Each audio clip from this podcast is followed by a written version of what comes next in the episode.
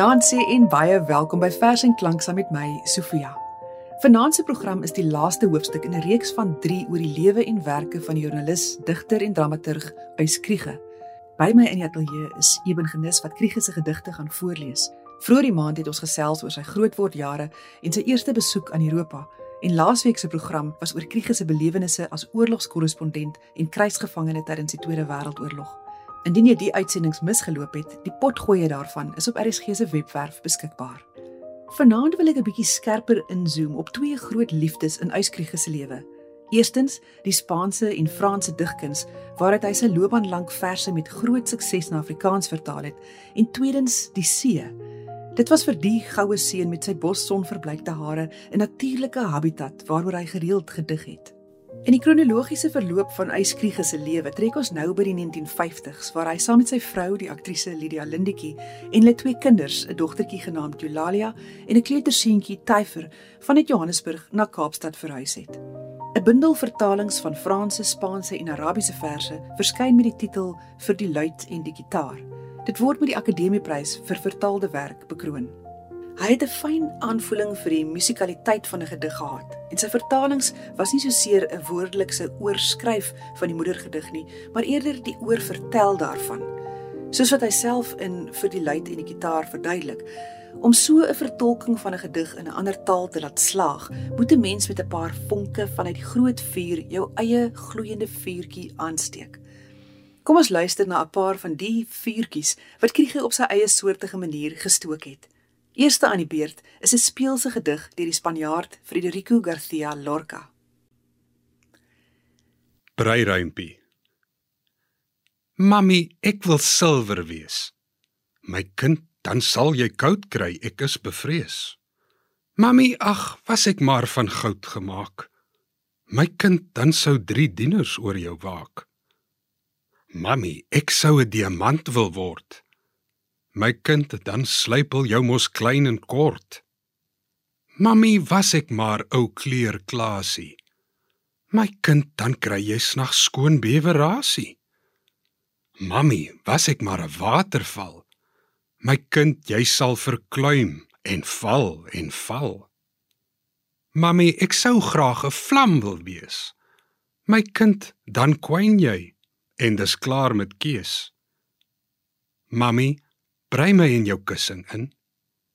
Dit ja, dit my skat. Ek gaan nou op die plek begin. Een van Lorca se heel bekendste gedigte is sekerlik die klaaglied vir Ignacio Sanchez Mejias. Mejias was 'n befaamde Spaanse stuurvegter en soos dit maar met stuurvegters gaan, is hy ook daardie een keer te veel in die arena deur 'n bul gegaffel. Kriege het die vier dele van die roerende afskeid van 'n volksheld pragtig vertaal. Dis 'n beroemde klaaglied. Die klaaglied vir Ignacio Sanchez Mejias. En ek neem die vierde, daar's vier gedigte in die klaaglied, die vierde een van die afwesige siel. Dis is die laaste, dis nou die siel, die liggaam is weg, daar is net die siel wat oorbly. Die bul sal jou nie ken nie, nog die vrye boom, nog die perde, nog die mure van jou eie huis. Die kind sal jou nie ken nie, nog die agtermiddag, want jy is dood vir altyd. Die plat kant van die leiklip sal jou nie ken nie. Nog die swart seimantel waarop jy verdelg is. Selfs jou eie stomme herinnering sal jou nie ken nie, want jy is dood vir altyd.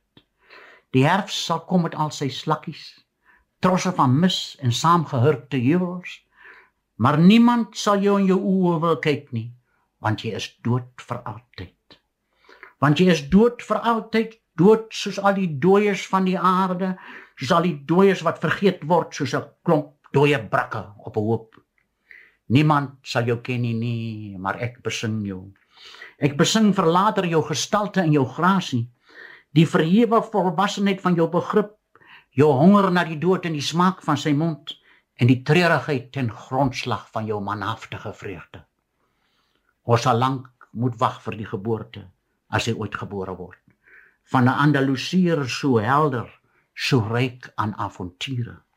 En ek besing jou swier en jou kordaatheid met woorde wat kreun en ek herinner my 'n droewe wind deur die olywe. Ek bedank graag die SAIK se argivaris Karen de Tooy wat die opname van 'n onderhoud wat Morkel van Tonder in 1974 met Kriege gevoer het kon opspoor. Ons luister later in vanaand se program na nog greepies uit daardie gesprek. In Maart 1952 is hy alweer op pad Europa toe. Hy bly vir 9 maande in Londen, daarna kuier hy by Jan Rabie en Marjorie Wallace in Parys en hy besoek ook Nederland en België voordat hy vir 7 maande in Spanje vertoef. Daar in die vissersdorpie Costa Brava begin skryf hy aan 'n drama genaamd Die Goue Kring. Dit is gebaseer op 'n Portugese fabel en vertel hoe die dood in 'n dorpie opdaag om vir moeder Mart te kom haal. Maar moeder Mart het towerkragte waarmee sy die dood aan 'n lemoenboom vasbind. Gevolglik sterf niemand meer nie en dit klink aanvanklik na 'n oorwinning vir die lewe. Maar dit beteken ook dat mense wat in pyn leef en eintlik na die uitkoms van hulle sterfdag lê en smag, nou in 'n ewige foltering vasgevang is. Moeder Mart besef dat sy haarself sal moet opoffer sodat die lewe en die dood weer sy loop kan neem soos wat bestem is. Die gedig, die lied van die lemoen, kom uit die goue kring. Kom ons luister hoe Eyskriege dit self voordra. Die gedig, dis 'n dialoog, hè? En ek ek lemoen geneem as 'n simbool van die menslike lewe. Hier is hy. Wat het die son met jou gedoen, lemoen? Hy het my gestreel, hy het my gesoen. Nou as ek rooi en ryp en rond, 'n vreugde vir die oog en mond. Die son het jou met lig geraak, lemoen. Hy het my geskroei, gebrand, geblaak. Nou is ek vuur uit daardie bron, die ene vlam, die ene son. En snags die maan? Wat van die maan, lemoen? haar silwer arms om my geslaan. Toe van haar koelte in my gegaan, stil in my sap gesypel langsam aan. En die aarde het jou niks geskenk, lemoen. Sy klei deur dou of reën gedrink. Nou as ek son en maan en dag en nag, het ek van aarde en lug al vogel krag. En wat het die mens met jou gemaak, lemoen? Vir my gesorg oor my gewaak. Nou as ek die seën op sy strewe simbool van vrugbaarheid en lewe. Wat moet ons met jou doen, Lemoen? Ek wil 'n goue glans wees tussen groen, gepluk word dan so met my lot versoen, lemoen wees slegs lemoen, lemoen, lemoen. Die keer was Eis vir so wat 2 jaar in die buiteland. Met sy terugkeer ontvang hy 'n eredoktorsgraad van die Universiteit van Natal en nog ere doktorsgrade van die universiteite van Rhodes en Stellenbosch sou later volg. Terwyl Eyskriege as skrywer uiteindelik die roem wat hom toekom begin proe, verbrokkel sy en Lydia se huwelik heeltemal. Hulle paai skei en Eys gaan woon saam met sy vriend, die skrywer Jack Cope, in 'n huisie op Clifton se tweede strand. Eben, sal jy asseblief vir ons daardie gedig oor Clifton voorlees? Clifton uit vooraand uitgegee deur Afrikaanse Persboekhandel in 1964. Die nag kom kalm oor die see. 'n Vrou praat iewers en die sagte koel stem, vertroud, onsigbaar, gee innigheid aan die gedagte. In die lig staan elke blom vars in sy vleur. Mens ruik die see en die jasmiin se geur. Die stem vloei soos 'n ver musiek Waar klink hy? Op welk stilte piek? Die soet geluid daal na benee langs trappe van die skemer, tree op tree. Die tyd bestaan nie. Dag, nog week, nog maand. Wat in die wynswart stilte pyns die aand. En dan is daar natuurlik sy bekende gedig oor die eensame seemeeu. Tussen die wit huis en die wit huis teen die wit wolk teen die grys berg hoog bo die see silwer en grys silwer en grys van golwe aan een tot die verste vaal horisonne heen styg en daal styg en daal die wit seemeeu aan een alleen wat sing die see Wat kla die wind? Wat roep die meeu? Wat snik die hart aan een alleen? Die see sing, die wind kla, die meeu roep, die hart snik tussen die wit huis en die wit huis op die helder dag silwer en grys, silwer en grys. Waarheen? Waarheen? Aan een. Alleen. Alleen. Alleen.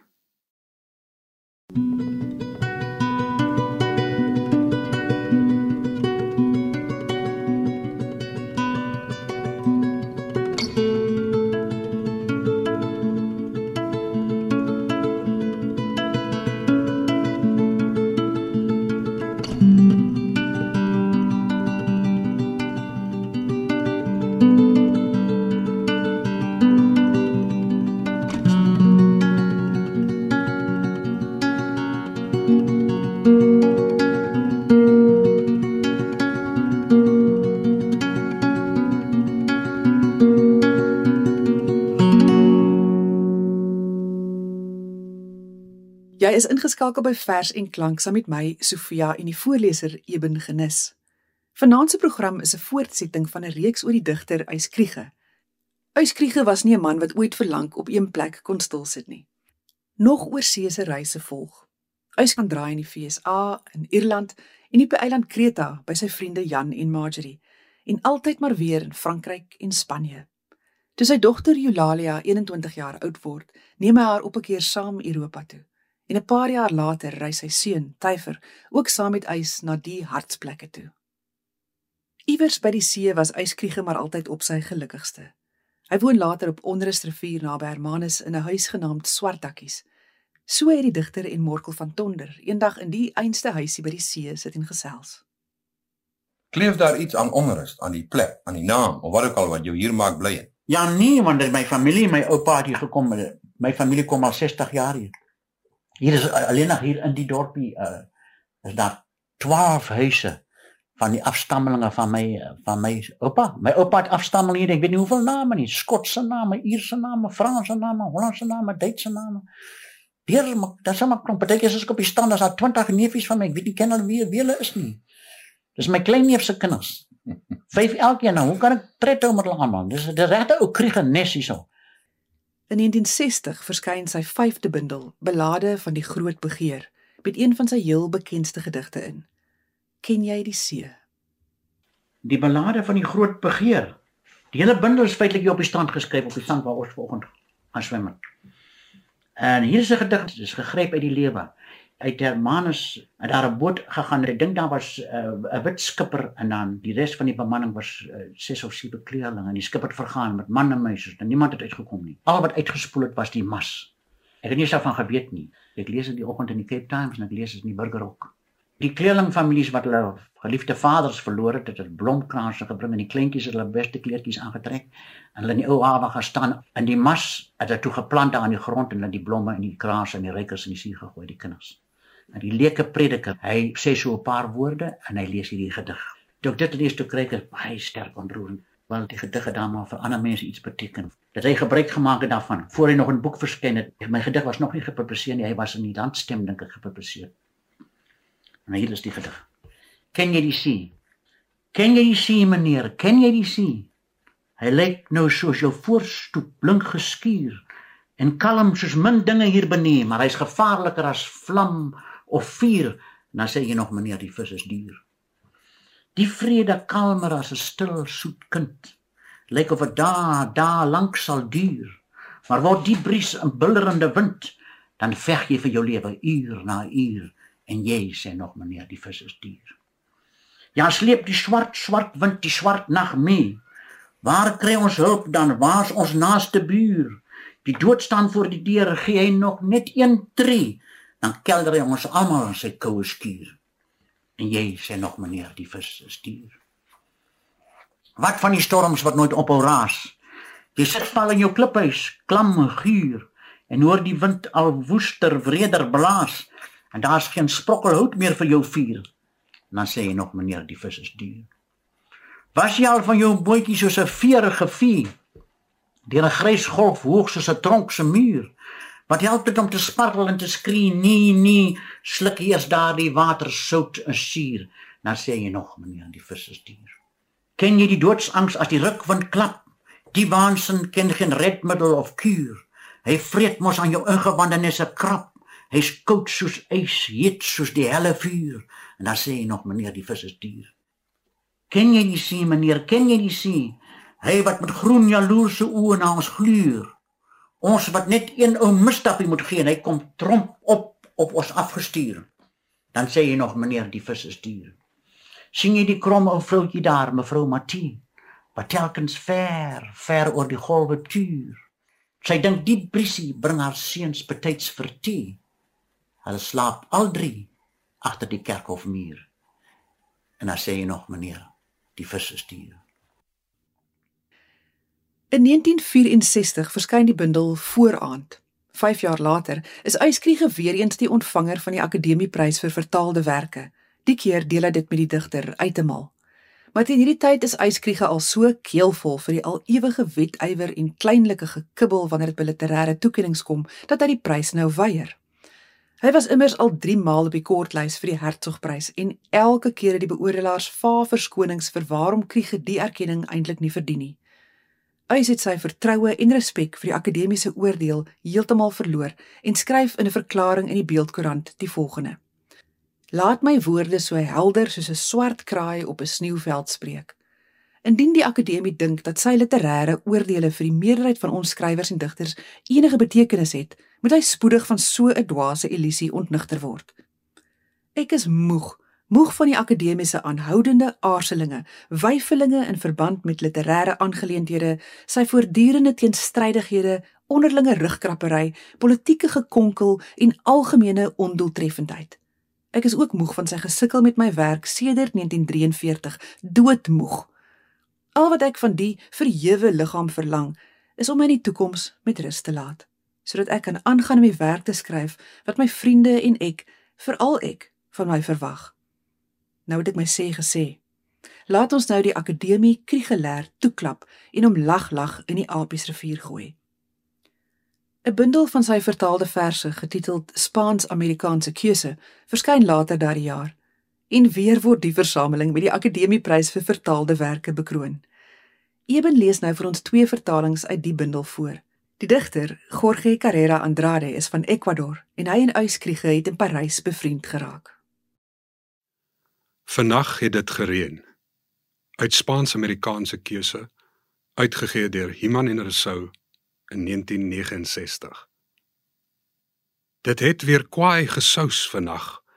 Kyk, pere en appels op die grond en kopkole soos vet ou nonne lê oral rond in bond. Van al die dinge klets 'n mossie op my vensterrand. Hier in die veld is ieder sproe vroeg dou voor dag my oggendkrant. Staan op, die lewe is kommerloos. Die son blink in elk poel en plas. Die reën het die ou wêreld soos 'n kopkoel skoon gewas. Lente en kie. Die amandelboom het vir haar 'n rok gekoop om in aangeneem te word. Voor elke deur vuil die mossies die groen ware van die lente op.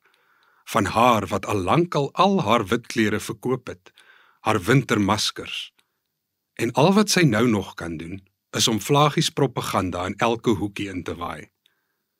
Riete van glas. Flesse parfuum oral uitgestort. Blomtapuite waarop die kinders skool toe kan gaan. Groentemandjies. Wandelstokke van die kersiebome. Lompe handskoene van die eend op die dam. En 'n reier, sonsambreel wat vlieg. Tikmasjien van die wind deur die blare inventaris wat soet ruik. Kom kyk na die vertoonvenster van die nag. 'n Diamantkruis, klein rooi lanterns en 'n rosekrans van edelgesteentes. Maartmaand het vonk gevat in die gras en die nuttelose ou populier het 'n groen bril opgesit. Na 'n paar maande sal die lente bottels ingelegde vrugte bestel. Druiwe, gloeilampies van soet kristal en goue blare om al die droefheid in toe te draai. Kriege se vertalings is so maklik om te lees, so toeganklik. Dit klink soos iets wat in Afrikaans geskryf is, maar die beelde is tog uitheems en dalk jy's daarom so treffend. Hoe benader mens sulke werk? Krieger het dit eenmaal so verduidelik. Byna altyd wanneer ek vrye vers vir Afrikaans, vertaal ek feitelik letterlik. Maar wanneer dit by gedigte kom met vaste rym en maatpatrone, word 'n min of meer letterlike vertaling onmoontlik. Dan speel die gedig my soms nogal snaakse parte. Hy kry skielik sy eie ingewing, vat sy eie koers, gaan loop sy eie draadjie. En die draadjie kan 'n tipies Afrikaanse draadjie word of selfs 'n uitstappie in die wye Afrikaanse veld in ver verwyderd van die eintlike omgewing van die oorspronklike gedig. En waar my eie fantasie soms vonk vat by die gedig in 'n vreemde taal, gee ek hom gewoonlik die vrye teels.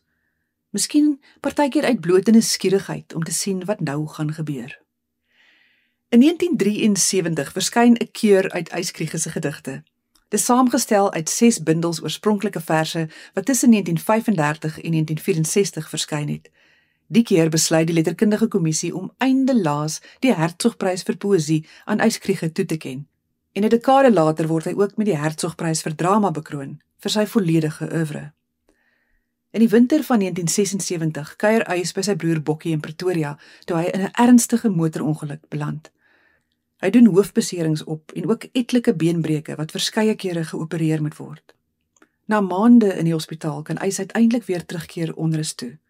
In die jare wat volg, skryf hy min nuwe werk en hou hom eerder besig met die hersiening van bestaande dramatekste en gedigte. Uyskrieg gesterf op 10 Augustus 1987 in sy huis Swartdakkies aan maagkanker. Daar is geen roudiens nie, maar by sy graf lees familie en vriende van Uys se gedigte voor. Later gaan pak Jan Rabie ook wit al die krekelskulpe op die graf en plant 'n paar sonneblomme daar om te pas by die versie wat op die grafsteen staan. Dit kom uit die bundel Vooraand. Na die bron van alles, die son, een beurende drang, een goue verlang. Ek vra nou vir Eben om ons reeks oor yskriege af te sluit met die vertaling van die Spanjaard Juan Ramon Jiménez se gedig Die finale reis. Dankie dat jy die afgelope 3 weke saam gereis het. Al die pad tot in Parys Madrid, Kaïro, die Abruzzi gebergtes in Italië en terug. En dankie Uys dat jy hierdie avonture ook ons in kom maak het. Tot volgende week. Die finale reis. En ek sal weggaan en die voëls sal agterbly singende. En my tuin sal agterbly met sy groen boom en sy wit waterput. En elke middag sal die hemel blou wees en vreedsaam. En die klokke sal lui soos hulle vanmiddag lui, die klokke van die hoë kloktoring.